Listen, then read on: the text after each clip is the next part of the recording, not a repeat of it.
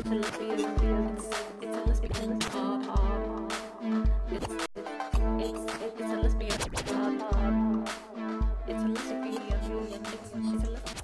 och eh, välkommen till Lesbisk podd. Idag har vi lite Pride-tema. Och eh, vi har med oss en gäst som passar perfekt för temat också. Emilia Wikström Melin. Välkommen till Lesbisk podd. Tack! Du är ju eh, vice ordförande i Stockholm Pride. Vad, har du lust att, att berätta lite mer bara kort om dig själv? Vem är du? Vad gör du eh, när du inte, inte är eh, vice ordförande? Nej, inte vice ordförande. Det känns som att det är ungefär det jag sysslar med nu så här veckorna innan Europride. Men som ni kanske kommer höra, så jag kommer från, från Malmö ursprungligen. Har bott i Stockholm dock i snart tio år.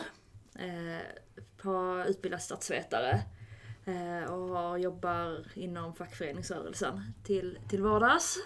Eh, som, som mitt heltidsjobb. Alltid engagemangen i Stockholm Pride är helt ideellt. Så det görs på kvällar och helger och liknande. Mm. Så det, så det är det jag sysslar med ungefär. Mm. När jag inte...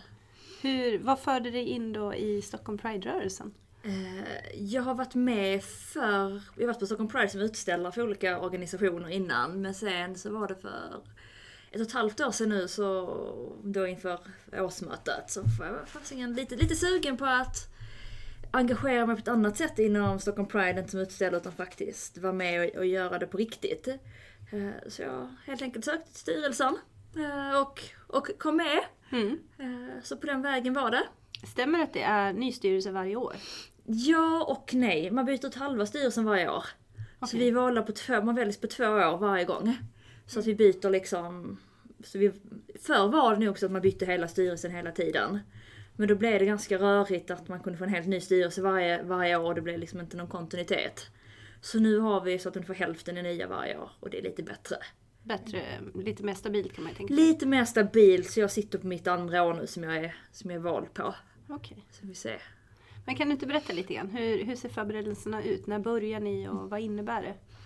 Eh, nu är det speciellt i år som det är Europride eh, som är liksom ännu större och vi delar ju Europride tillsammans med Göteborg.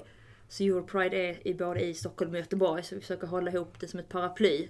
Vilket gör också att det, det är mer arbete, det är inte bara att göra en festival i Stockholm utan vi ska hålla ihop hela det här med Europride och, och synka med, med Göteborg också. Eh, på ett sätt kan man säga att det har varit ett arbete ända sedan 2015 när vi bestämde oss för att söka Europride första gången. Eh, så, för 2018. För det är en ganska lång process att få ett Europride. Det är lite, jag brukar, jämföra det med att det är som att söka ett OS. Mm. Eh, att man liksom kommer in med ett bid. Mhm. Man gör en bidbook. Och sen söker man då hos en organisation som heter EPOA. Som är European Pride Organizations Association.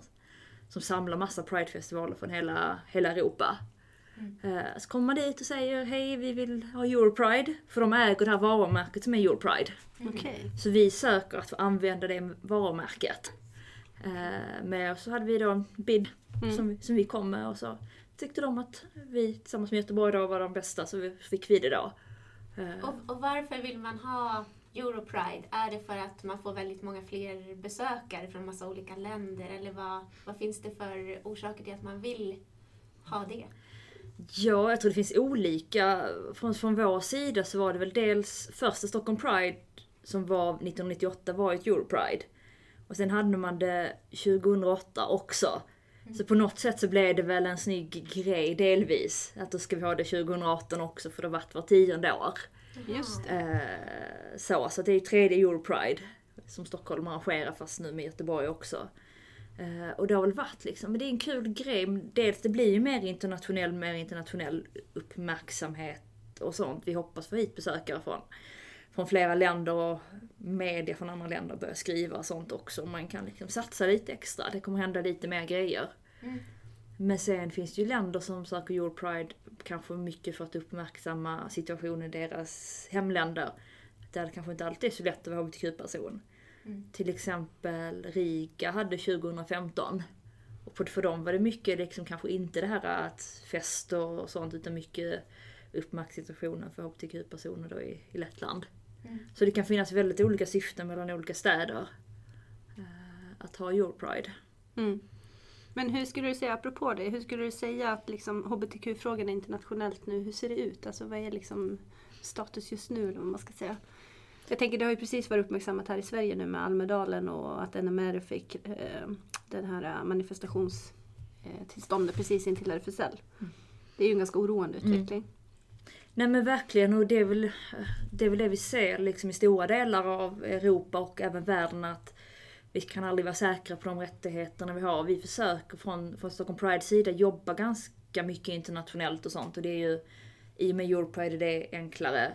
Vi var till exempel i Slovakien för några veckor sedan i Bratislava eh, och träffade eh, de som gör Pride i Bratislava och i Slovakiens näst största stad som jag nu har glömt namnet på. Eh, och hörde hur det går för dem liksom. Och de kan ju ha Pride-parader men det är inte lätt. Det är massa polisbevakning och helt andra förutsättningar. Vi hade ett gäng från Stockholm som var i Riga nu också i, för några veckor sedan. Och de berättade, ja det var bättre 2015 för i år hade de liksom i alla fall inte kastat saker på dem i paraden. Mm. Men det är fortfarande enorm polisbevakning och det finns, det, det finns en känsla hela tiden att de rättigheterna vi har, vi har kämpat till oss kan försvinna väldigt, väldigt snabbt. Mm. Eh, och vi ser väl från Stockholms sida också framförallt att det är det det handlar om mycket, de här internationella, vi jobbar internationellt. Att kunna stödja och byta erfarenheter. För där Slovakien är idag kanske är där Sverige var för 20-30 år sedan. Mm. När vi började starta upp Stockholm Pride. Så det finns mycket att lära av varandra? Ja, det är väl det vi känner, att kunna stötta och komma med tips och, och veta liksom att vi är inte ensamma utan vi, vi står här tillsammans. Mm. Vad, vad känner du, vad är personligen den viktigaste anledningen för dig att du vill engagera dig i Pride? Vad, hur kommer det sig? Ja, men det, jag tror att någonstans, för det är en festival som betyder så mycket för, för så många. Jag kommer ihåg när jag själv var på min första Pride, det var ju ashäftigt liksom. Berätta, när, när var det? Vad, vad hände? Vad hände? 2006 var det, så det var på den tiden jag fortfarande var i Tanto. Okej. Eh, back in the old days, börjar känna mig gammal här nu när jag tänker, tänker tillbaka. Jag var också där kan jag trösta Ja. dig med. Ja, Jag med. Ja. Eh, känner mig lite nostalgisk när man pratar om det. Eh, men 2006 var det. Eh, hade väl inte riktigt kommit ut heller liksom. Var lite sådär, äh, jag vet inte riktigt och, och sånt. Och var as, asnervös inför. Jag var, var vet jag, skulle dit med, med tre kompisar. Och det var jag och två, två till. Vi visste att de här två var ett par fast de hade inte heller riktigt kommit ut. Så att, men alla i gänget visste ju att de var ihop men de hade inte sagt någonting. Så, att, så vi tre var ju asnervösa. Sen hade vi vår heterokompis då som bara, nu får ni fan skärpa er. som tog liksom oss under och, och, och, och följde med oss dit och bara, nu får ni. Eh, nej men det var jättehäftigt och väldigt kul upplevelse där. Och det är så mycket värme och kärlek när man kommer in på Pride. Mm. Eh, och det betyder så mycket för så många liksom. Och jag tänker att jag tror att när man har varit på många Pride så kan man bli lite trött på det ibland liksom. Men det är samma sak varje år liksom, hör, hör vi ofta. Jag kan själv känna det. Men man får inte glömma att varje gång så är det någons första Pride. Mm. Varje gång så är det någon som har den här första upplevelsen. Eh, och då är det värt att lägga alla de här timmarna på det. Tänker ni lite extra på de här? Alltså jag tänker, det kan ju komma någon som, är, kommer, som inte har den här kompisen som tar dem i armen, som kommer dit helt själva första gången, vågar sig dit, eh, tar sig in, oj vad ska jag möta här? Tänker ni lite extra på dem när ni planerar festivalen? Liksom att, att det ska finnas ställen där man kan möta nya vänner eller så? Ja och nej. Jag tror det var vi nog bättre på förr om jag ska vara lite självkritisk. Mm. Då fanns det nog mer liksom automatiska mötesplatser och sånt där det var lättare att komma själv. Vi har tappat det lite nu och det är något vi behöver liksom kanske komma tillbaka till. Jag tror att på den tiden, om man går tillbaka till Tanto nu, så var det mer de här spontana mötena, det var lite hur parken var planerad, det var mer liksom, man, man sprang på varandra mer. Nu är det nog svårare tyvärr att komma själv. Eh, och liksom hitta folk, för folk tenderar ju vara ganska mycket i sina, sina gäng. Mm. Ja. Eh, Jag tänker, till en början kanske man ju inte har något gäng utan man, man vill få ett gäng.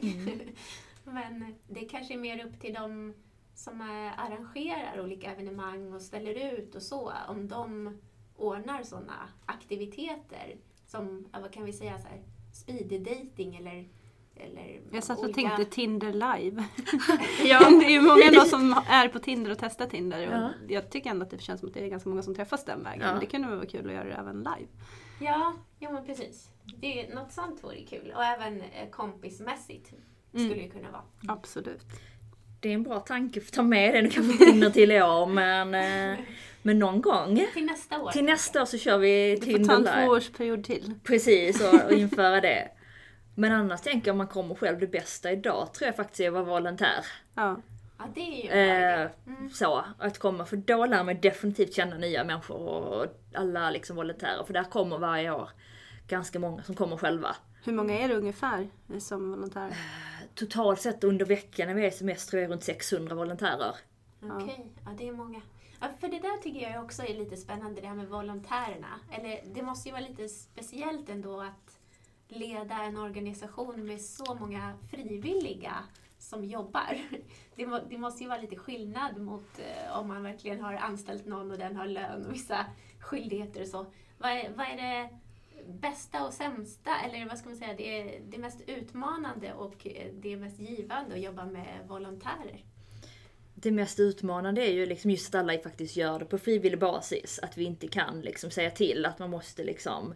Det måste vara kul och man måste tycka det är kul för att få folk att göra det. Mm. Nej, men är folk anställda ska man göra det på ett annat sätt. Som du själv säger, att säga till ja, men nu behöver du göra detta. Det kan vi ju inte med volontärerna. För då sticker de och det hade jag också gjort om jag hade liksom fått någon dryg styrelse eller festivalledning som hade sagt till massa saker. Mm. Eh, Men det absolut bästa är ju att alla som är, de verkligen brinner för det. Mm. Och de verkligen gör detta, de lägger, vi hade inte klarat oss utan alla volontärer.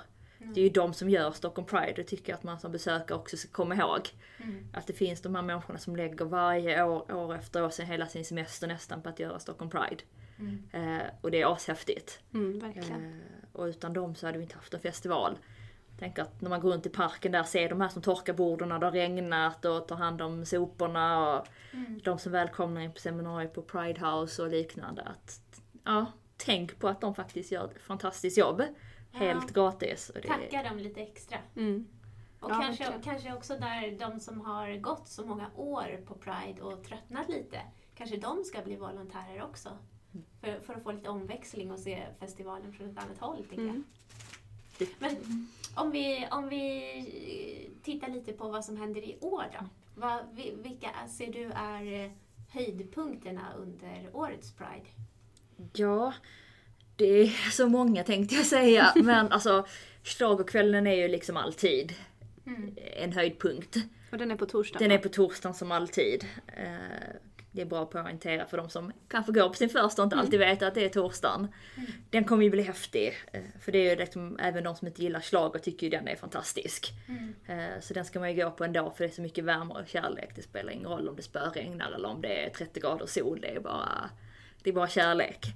Absolut. Eh, och där kommer vi ha, vi, vi har någon, vi kommer bland annat ha hon som kom tvåa i Eurovision från Cypern.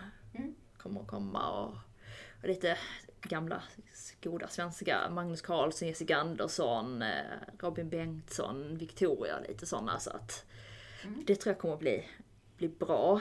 Och sen på lördagskvällen kommer ju Alcazar ha sin avskedsshow för communityt. Så de kommer ha en helt egen show som de har satt upp ihop bara för Stockholm Pride. Mm. Som är liksom deras avslutning för att tacka någonstans för de här äh, åren. Okej, Och de har ju också gjort årets Pride-låt, ja just det. In the name of love. Mm. Okej, så schlagern är en höjdpunkt. Är det nå- något annat som du, är det något som du känner själv så här, oj det där skulle jag vilja gå på? Ja, vi kommer ju ha nu speciellt eftersom det är Europride så kommer vi ha något som vi kommer kalla MR-dag på Pride House. Alltså mänskliga rättigheter. Mm. Eh, ibland kallar vi det HR, Human Rights, för vi ska vara lite internationella nu när det är, det är Europride. Så man kan ha både MR och HR. Eh, och då ska vi ha liksom en dag som på Pride House som kommer fokusera just på internationella frågor. Och på europeiska frågor som vi har bjudit in folk från olika delar av Europa för att olika seminarier. Så det tror jag kommer att bli häftigt. Mm. Eh, Det är en sån där specialgrej för, för Europride just. Och om jag inte helt fel för mig så kommer den delen också vara gratis. Okej. Så man kan gå på den konferensen ändå. Jag tänker, är det någonting, eftersom det här är en lesbisk podd, Ja. är det någon sån särskild lesbisk punkt på programmet som du vet om och som du vill lyfta fram? Nej, tyvärr. Vi är ju lite dåliga på det. Okej. Det finns ju inte... Jag har verkligen försökt tänka på vägen, men... eh, Men är det inte så att Silvana Imam ska uppträda i Göteborg? I Göteborg ska hon uppträda. Är Så, inte det en, en ganska... jo, Lesbisk punkt. det är det faktiskt. Så alla får åka till Göteborg också och se Silvana. Men för det där tycker jag är intressant också, så att ni ordnar tillsammans med West Pride. Men hur funkar det? Är det är, tittar ni liksom, vänder ni er till olika besökare? Eller har ni tänkt att eh, man ska gå på båda festivalerna? Men det är ett litet, eh, ett litet glapp emellan också i tiden. Så det är inte som att det är som en sammanhängande festival ändå. Nej precis, det är Stockholm där först precis i början av augusti och sen är det en vecka emellan för vi ska hinna vila också. Eh, och sen är det Göteborg. Men det blir, vi tror ju att en del kommer nog åka på båda men en del, majoriteten kommer välja. Stockholm är ju liksom, Stockholm kommer alltid dra förbi huvudstad. Det är så. Men Göteborg har ju sitt West Pride tillsammans med Kulturkalaset i Göteborg. Okej. Så det är samtidigt. Så där kommer hända så otroligt mycket sam- hela tiden. Det kommer vara andra scener som inte är Europride också i Göteborg samtidigt. Eh, och skillnaden mellan Stockholm och Göteborg är ju att Göteborg är ju gratis. Allting. Deras park är gratis och deras house är gratis. Mm. Men i Stockholm så måste man ju köpa de här dogtaggen. Okej. Så Just det. är ju en skillnad som är ganska tydlig. Vilket gör att vi riktar oss delvis till olika. Så. Så att man har chansen att gå på båda eller en av dem. Man får välja. Mm. Ja. Men hur mycket folk räknar ni med kommer besöka både i Stockholm och Göteborg och totalt? Har ni någon uppfattning om det? Så vi har ju räknat, vi räknar ungefär 20% mer än ett vanligt år. Men då är det liksom så runt Alltså en kväll i parken kanske kommer vara ungefär 10 000, något sånt. Om det är fint väder. 10 000 tyska Knappt. bögar. Ja, precis. Vi får se. Nu är det nu de kommer. Hassan! Ja, nu kommer de. nu kommer de att ta över. Du har inte hört det? Nej, nej jag har missat det. Vi återkommer till den. Okej. Ja. Men eh, om man skulle tänka, eh, om du personligen skulle få utveckla Pride precis som du vill Mm. och det, det inte fanns några begränsningar, att du, du hade obegränsad budget, va, vad skulle du vilja göra? Vad skulle jag vilja göra? Nej men framförallt så skulle jag ju vilja att vi skulle kunna ta bort i princip att det skulle kunna vara gratis att komma in. Kanske en symbolisk avgift kan jag tycka ändå för att när det var i Kungsträdgården så var det många som upplevde att det inte blev så tryggt. För att alla kunde komma in och att det var lite titta på de här hummusen som så. Jag har tänkt på det också, för jag var också där då Mm. det året. Men frågan är också vad det var som gjorde att det var gratis, om det var Mm. det som var problemet eller om det var platsen i sig. För Kungsträdgården är ju en plats där alla som besöker Stockholm passerar ju förbi. Eh, lite så oavsett egentligen vad det är som arrangeras. Eh, Just eftersom det ligger liksom mitt i stan. Mm. Ja. Så om man tänker att det hade Ja. varit i princip på samma plats som det är idag på stadion där borta så kanske det inte hade varit samma problem. Nej och jag tror att det var första gången också det var så folk var nyfikna. Mm. Sen är man känt, kan jag känna att man känner det, kan känna det lite när jag varit på andra öppna festivaler ändå men inte alls lika mycket som det var i Stockholm det året. Mm. Eh, Men bortsett från det så skulle jag vilja ha liksom mer mötesplatser. Mm. Eh, Att vi fick till tillbaka kanske lite till den här tantokänslan där det var lite mer som hände hela tiden. Mm. Lite mindre scenprogram som händer, det händer något i den delen av parken så händer det något i den andra delen av parken och, och liknande. Lite mer aktiviteter också. Mm. För det blir också lättare att få till kanske de här spontana mötena som vi pratade om innan. För nu är det väldigt mycket titta på konsert och dricka öl, vilket är jättetrevligt men för den som kommer första gången själv Mm. så kanske man behöver ha, ha möjlighet att få, få till, till de här mötena. Jag tycker man hör ju bland många som har varit med under flera festivaler att man liksom man längtar ju tillbaka till Tanto och den nostalgiska känslan man upplevde där. Och, Mm. ja, man, man tyckte väldigt mycket om den platsen. Men vad var liksom anledningen till att man lämnade Tanto som område? Nu ska inte jag svära på att jag är lite osäker men det var väl framför allt Det var ju något, ett tag där när de skulle göra om underlaget som vi fick flytta. Där när vi flyttade första gången till, till Sjöhistoriska. Och sen var man tillbaka på Tanto 2012. Men sen tror jag det var liksom, man kände också att Tanto, området i sig var ganska litet. man behövde något lite större och man ville hitta någonting nytt. Då tror jag man kände att vi har gjort tant och vi behöver utveckla festivalen. Mm. Eh, och sen finns den här nostalgin nu kvar hos de som var. Därmed inte sagt att Tanto faktiskt var så mycket bättre. Nej. Det var ju, hade ju sina utmaningar med att den här leran som kunde komma när det regnade. Det var svårt att arrangera en festival där rent logistiskt. Ja. För oss som gör festivalen så är Östermalm typ är tio gånger lättare. För där har vi all logistik vi behöver. Eh, Så jag tror det var liksom blandat. Men ehm, om, vi, om vi tittar tillbaka lite då. Har du något sånt där Pride-minne som eh, du känner lite extra för sådär? Mm. Ja, men det måste ju ändå vara liksom... Jag kommer tillbaka till den första gången helt enkelt. Det är ju liksom schlagerkvällen 2006. Mm. Eh, Den känslan. Det är nog den jag kommer ihåg starkast faktiskt. Vad är det du minns från det då? Nej men bara liksom att kunna stå i det här publikhavet och det var så mycket kärlek, så mycket olika människor som liksom möttes. Mm. Eh, Och det var liksom en frizon på något sätt. Och den här liksom som slagkvällen kan ha, att när det var någon som var med och blev femma i Melodifestivalen 1983 och Och alla får det här, kan all, alla kan texten och det är så jäkla häftigt. Eh, så. Mm. Men annars också, men det är ju liksom att ha med att göra festivalen från insidan är ju också ashäftigt. Se det jobbet som alla gör. Mm. Så. Att se liksom hur, när vi kommer till Östermalms IP ungefär en vecka innan själva festivalen börjar och det är bara en idrottsplats. Mm. Och hur vi då tillsammans bygger upp hela den här festivalen. Och sen liksom, som, och när man öppnar där då på onsdagen och ser liksom, ja men för några dagar sedan så var det ingenting. Och nu är det ett helt festivalområde. Mm. Som vi har gjort på ideella krafter. Det är häftigt. Mm. Man kan ju mm, bli medlem i eh, er förening Stockholm Pride också, eller hur? Ja, Varför ska man bli det och vad, vad får man ut av det medlemskapet? framförallt så stöttar man ju Stockholm Pride. För det är ju det många inte känner till. Man tror ju att Stockholm Pride bara är en festival. Mm. Men Stockholm Pride är ju en festival som arrangeras av den ideella föreningen Stockholm Pride. Mm. Vars vårt syfte är ju liksom. Och det är, jag som styrelseledamot väljs ju utifrån föreningen. Eh, Så det är föreningens medlemmar som väljer styrelse. Mm. Till exempel som en vilken förening som helst. Så framförallt kan man ha inflytande på vilka som ska sitta i styrelsen. Man kan själv sitta i styrelsen. Då måste man vara medlem. Man kan vara med och bestämma om vad, vad vi ska göra. Man kan skriva motioner till exempel om man föreslår att Stockholm Pride ska göra det och det. Det skriver man ju till årsmötet då som föreningen har. Okej. Eh, till exempel.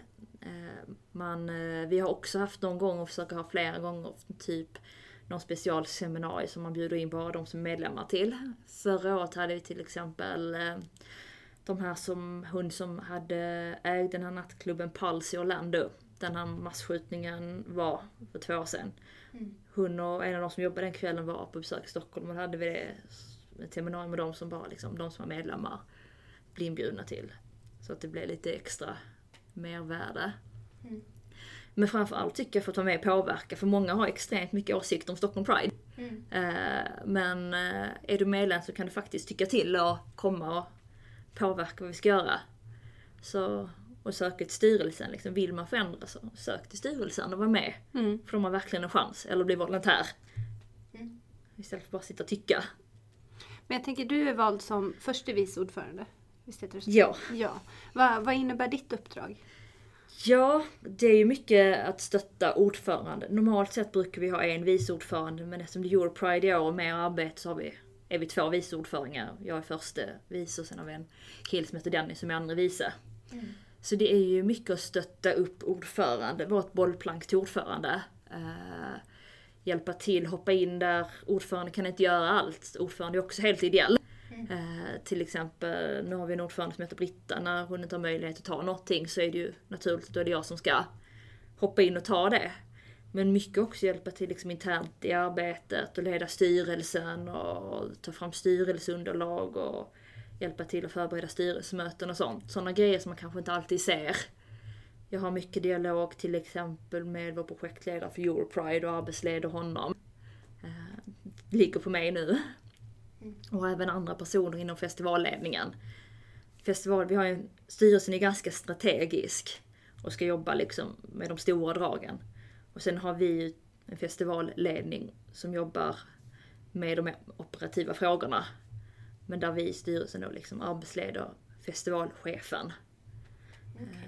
Så det är mycket sånt också att göra som man inte riktigt ser. Mycket föreningsarbete helt Mycket enkelt. föreningsarbete är det. Ja. Eh, Men om man är intresserad av att engagera sig inför nästa år till Mm. exempel. När är det man ska gå med i styrelsen, eller gå med i föreningen framförallt för att sen kunna kandidera till eventuellt styrelsen då? Man kan gå med när man vill, men vi brukar säga att för att inför nästa år så måste man ju gå med då efter årsskiftet. Men det brukar vara ungefär slutet av året, brukar de som är valberedning, alltså de som kommer med ett förslag till årsmötet, vilka som ska sitta, då brukar de säga att nu letar vi efter folk. Så någonstans håll ögonen öppna där i december, januari. Så, och då brukar det stå på både Facebook och Stockholm Prides hemsida, lite sånt. Så kan man hitta. Och om man eh, vill bli volontär, är det för sent att anmäla sig nu eller går- går det fortfarande att bli det i år? Eller? Vet Det du? går jättebra att bli det fortfarande. Vi behöver Ah, okej. alltid fler volontärer så att Mm. då kommer man bara in på Stockholm Prides hemsida så klickar man där att man vill bli volontär så fyller man i en liten, ett litet formulär så är det någon som kommer höra av sig till en. Okej. Kommer de, ska man se, kan man fylla i själv lite vad man är intresserad av också. Mm. Men vi behöver alltid volontärer så att det är det någon som lyssnar och vill bli det så kör säger jag. Ja. Ni kommer inte ångra er. Om man skulle, mm, eller om du skulle mm, sammanfatta Pride med tre ord, vilka skulle det vara då? Det är alltid svårt. Men kan väl säga glädje, eh, kamp eh, och sen ett tredje sammanhållning. Glädje, kamp, sammanhållning. Det var väl härligt. Ja. Vad, vad känner du Sofie, håller du med eller? Vad, vad? Definitivt. Ja men glädje, fest är ju lite samma sak. Politik. Mm. Eh, Ja. Men det motsvarar väl också kamp egentligen om jag tolkar det rätt. Eh, Men jag känner verkligen igen mig i din beskrivning av det här att man faktiskt får som en fristad en gång per år, Mm. vilket är ganska sorgligt i sig. Jag kommer ju från en mindre stad och jag vet också att jag upplevde det som väldigt speciellt när man kom till Stockholm för just Pride. Mm. Och man för en gångs skull fick känna att man inte var liksom minoritet. Det är, Ja, det är jättehäftigt. Är det inte så att många liksom känner, först är det Pride och det är så här eufori och man vill umgås och träffa människor och göra saker, eh, liksom helst alla dygnets timmar. Och sen är det över. Och då är alla liksom, ja men först helt slut och sen många får väl som en liten Pride-depression Mm. också. Så här, Jo. Absolut, det är Ja. ganska sorgligt. Som nu liksom lika långt till julafton. Det är lite den känslan. Då kan man åka till Göteborg i år. Exakt, Ja, vilken Om man möjlighet. har liksom... eh, Det kanske, man kanske behöver de här dagarna emellan och vila lite på. Kanske besökarna också behöver det. Ja, Och sen eh, åker man till eh, Göteborg. jag tror det. Mm. Det är ett tips. Ja, precis. Då Bra får man lite, lite längre Pride-säsong. Exakt. Och det finns ju många andra Pride-festivaler runt om i landet hela sommaren nu också. Ja, det är sant. Det Som man kan ju... åka på. Det har verkligen många. växt. Ja, Jag kommer inte ihåg siffran nu, men det var ju rekordmånga. jag tror det är drygt 70, Ja. något sånt. Så att det är bara kolla och åk på de små också. Mm. Jag tänkte, det är ju tema också för varje Pride. Vill du berätta lite om det? Vad är det för tema i år och vad, vad innebär det temat? I år har vi faktiskt inget tema, det är första gången som vi inte har ett tema. Och det är delvis för att vi jobbar till exempel, till exempel med Göteborg, de har inget tema. Så då har vi pratat lite fram och tillbaka, ska vi ha något eller ska vi inte ha något? Så nu har vi någonstans landat i att det blir Europride som är temat. Liksom det här med det internationella. Men vi har inte lika utpekat tema som vi har haft andra år. Den här långa sloganen för Europride är ju Two cities, one country for United Europe, open to the world. Okej. Eh, den är lite lång för att säga men det är någonstans där vi landar.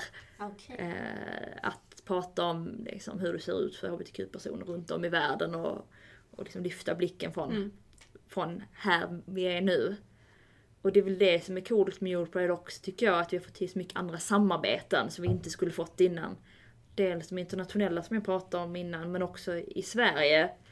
Till exempel, nu, nu är detta en podd så man ser inte, men till exempel jag har ett regnbågsfärgat sånt armband på mig som det står Fuck Cancer på, som de flesta kanske känner till. Som är speciell Europride edition. Som vi har tagit fram med Ung Cancer. För normalt sett brukar de vara färgglada men inte i regnbågen. Så köper man sån här så får man så Europrides logga med liksom när man får den. Just det. Det är en häftig sak. Och vi har också i år för första gången, vi har samarbetat med Simborgarmärket. Så alla som tar simborgarmärket i år får det som regnbågsfärgat. Ja, det såg jag. Det var jättefint. Ja. Det är nästan så jag måste ta det en gång till kanske. Ja, Jag har sagt att jag måste ju ta det nu ja. Eh, Så det är också liksom alla som tar det. Och det är Ja. första gången det är mer än en färg. Vad kul. Så sådana saker som också man inte riktigt alltid ser för Europride. Men som är ashäftiga. Ja, som också hjälper till att liksom öka Ja. Uppmärksamheten och fokuset på festivalen. Mm. Men jag tycker också det är viktigt för jag tycker många som kanske är utanför communityt om man säger så kan ju vara lite kritiska ibland mot Pride och man ser bara kanske paraden och tycker att det mest bara är liksom fjant om man ska vara elak. Eh, och sådär. Och där tycker jag det är viktigt också att man faktiskt visar på bredden. In- Dels stå bakom att det faktiskt är viktigt att man kan ha den här fest, festliga delen av det, det betyder mycket i sig. Men också att det faktiskt finns en stor del som är helt enkelt politisk och en kamp som du beskriver det. Ja men verkligen och det är därför jag tycker vi ändå på något sätt har lyckats här att vi har liksom Pride House Pride Park, vi har olika delar. Sen kan man alltid knyta ihop dem ännu mer men som du säger, jag håller verkligen med. Det måste vara både och. Jag tänkte, är det någonting mer? Du var inne lite grann på programmet på Pride House. Mm. Men är det någonting mer som du vill slå ett extra slag för? Jag tänker just för att det är lite mer internationell touch i år. Är det någon programpunkt som du vill rekommendera? Nej men det är ju den här mänskliga rättigheter-konferensen som jag tror kommer att bli riktigt bra. Eh, sen är man intresserad av politik så har ju RFSL sin partiledarutfrågning också på fredagen. Eftersom, Ja, det är ju speciellt. eftersom det är valår. Precis. Så gillar man det så kan man komma och lyssna. Det brukar vara mycket folk där så man ska vara där i god tid. Vilken dag är den? Som Den är också på fredagen. fredagen. Så fredagen är dagen som... Det är alltid bra program på Pride House men fredagen kommer vara lite, lite extra. Kommer alla partier vara med då på den här utfrågningen? Jag har faktiskt inte exakt koll vad de har fått men jag gissar på att SD inte är med för det har vi tagit ställning att de, vi inte har välkomnar SD Mm. från Stockholm Prides sida. Mm. Men jag tror att alla andra riksdagspartier kommer vara med på något sätt. Sen Okej. om det är deras partiledare jag inte kan jag inte svära på men Men det är riksdagspartierna, det är inga andra. så brukar det vara. Mm. Som sagt det är RFSL som håller den så jag är lite osäker. Mm. Eh, om, de fakt- om de bjuder in Fi också, det vet jag inte. Vi får hålla utkik. Ni får hålla, ut, hålla utkik, programmet släpps snart så då har vi mer koll. Mm. Och sen paraden givetvis. Som kommer att bli ännu mer internationella deltagare och sånt. Mm. Vi räknar ungefär 60 000 som kommer gå hoppas vi. Wow, ja. Det är häftigt. Verkligen. Vad bra, då har vi fått eh, veta massor om Pride nu. Vad skulle du vilja hälsa till folk där ute nu som eh, funderar på om de ska gå på Pride i år? Självklart ska man gå. Det, är ju, det kommer bli fest, det kommer bli kul, det kommer bli minnen för livet och har man inte någon att gå eller känner sig osäker så, så bli volontär, det är inte för sent. Så kommer man ha chansen att träffa jättemycket nya coola vänner och få, få vänner för livet. Eller flickvänner. Det också, flickvänner. Flickvänner för livet kan man få Ja, om man kommer till Pride. det, Exakt. Nu absolut. har vi sålt in ordentligt. Det tycker jag. Det, det är folk som träffar sitt livs kärlek på Pride så att... Och vi kommer vara där också. Exakt. Ja. Hälsa på oss. Ehm, då tackar väl vi för oss. Ja, tack så jättemycket för att du kom hit. Jättekul. Emilia. Jättekul att vara här. Och vi kommer tillbaka Yes. ehm, när sommarlovet är slut. Precis. Ha det så jättehärligt så länge. Bra. Hej! Hej då! This is a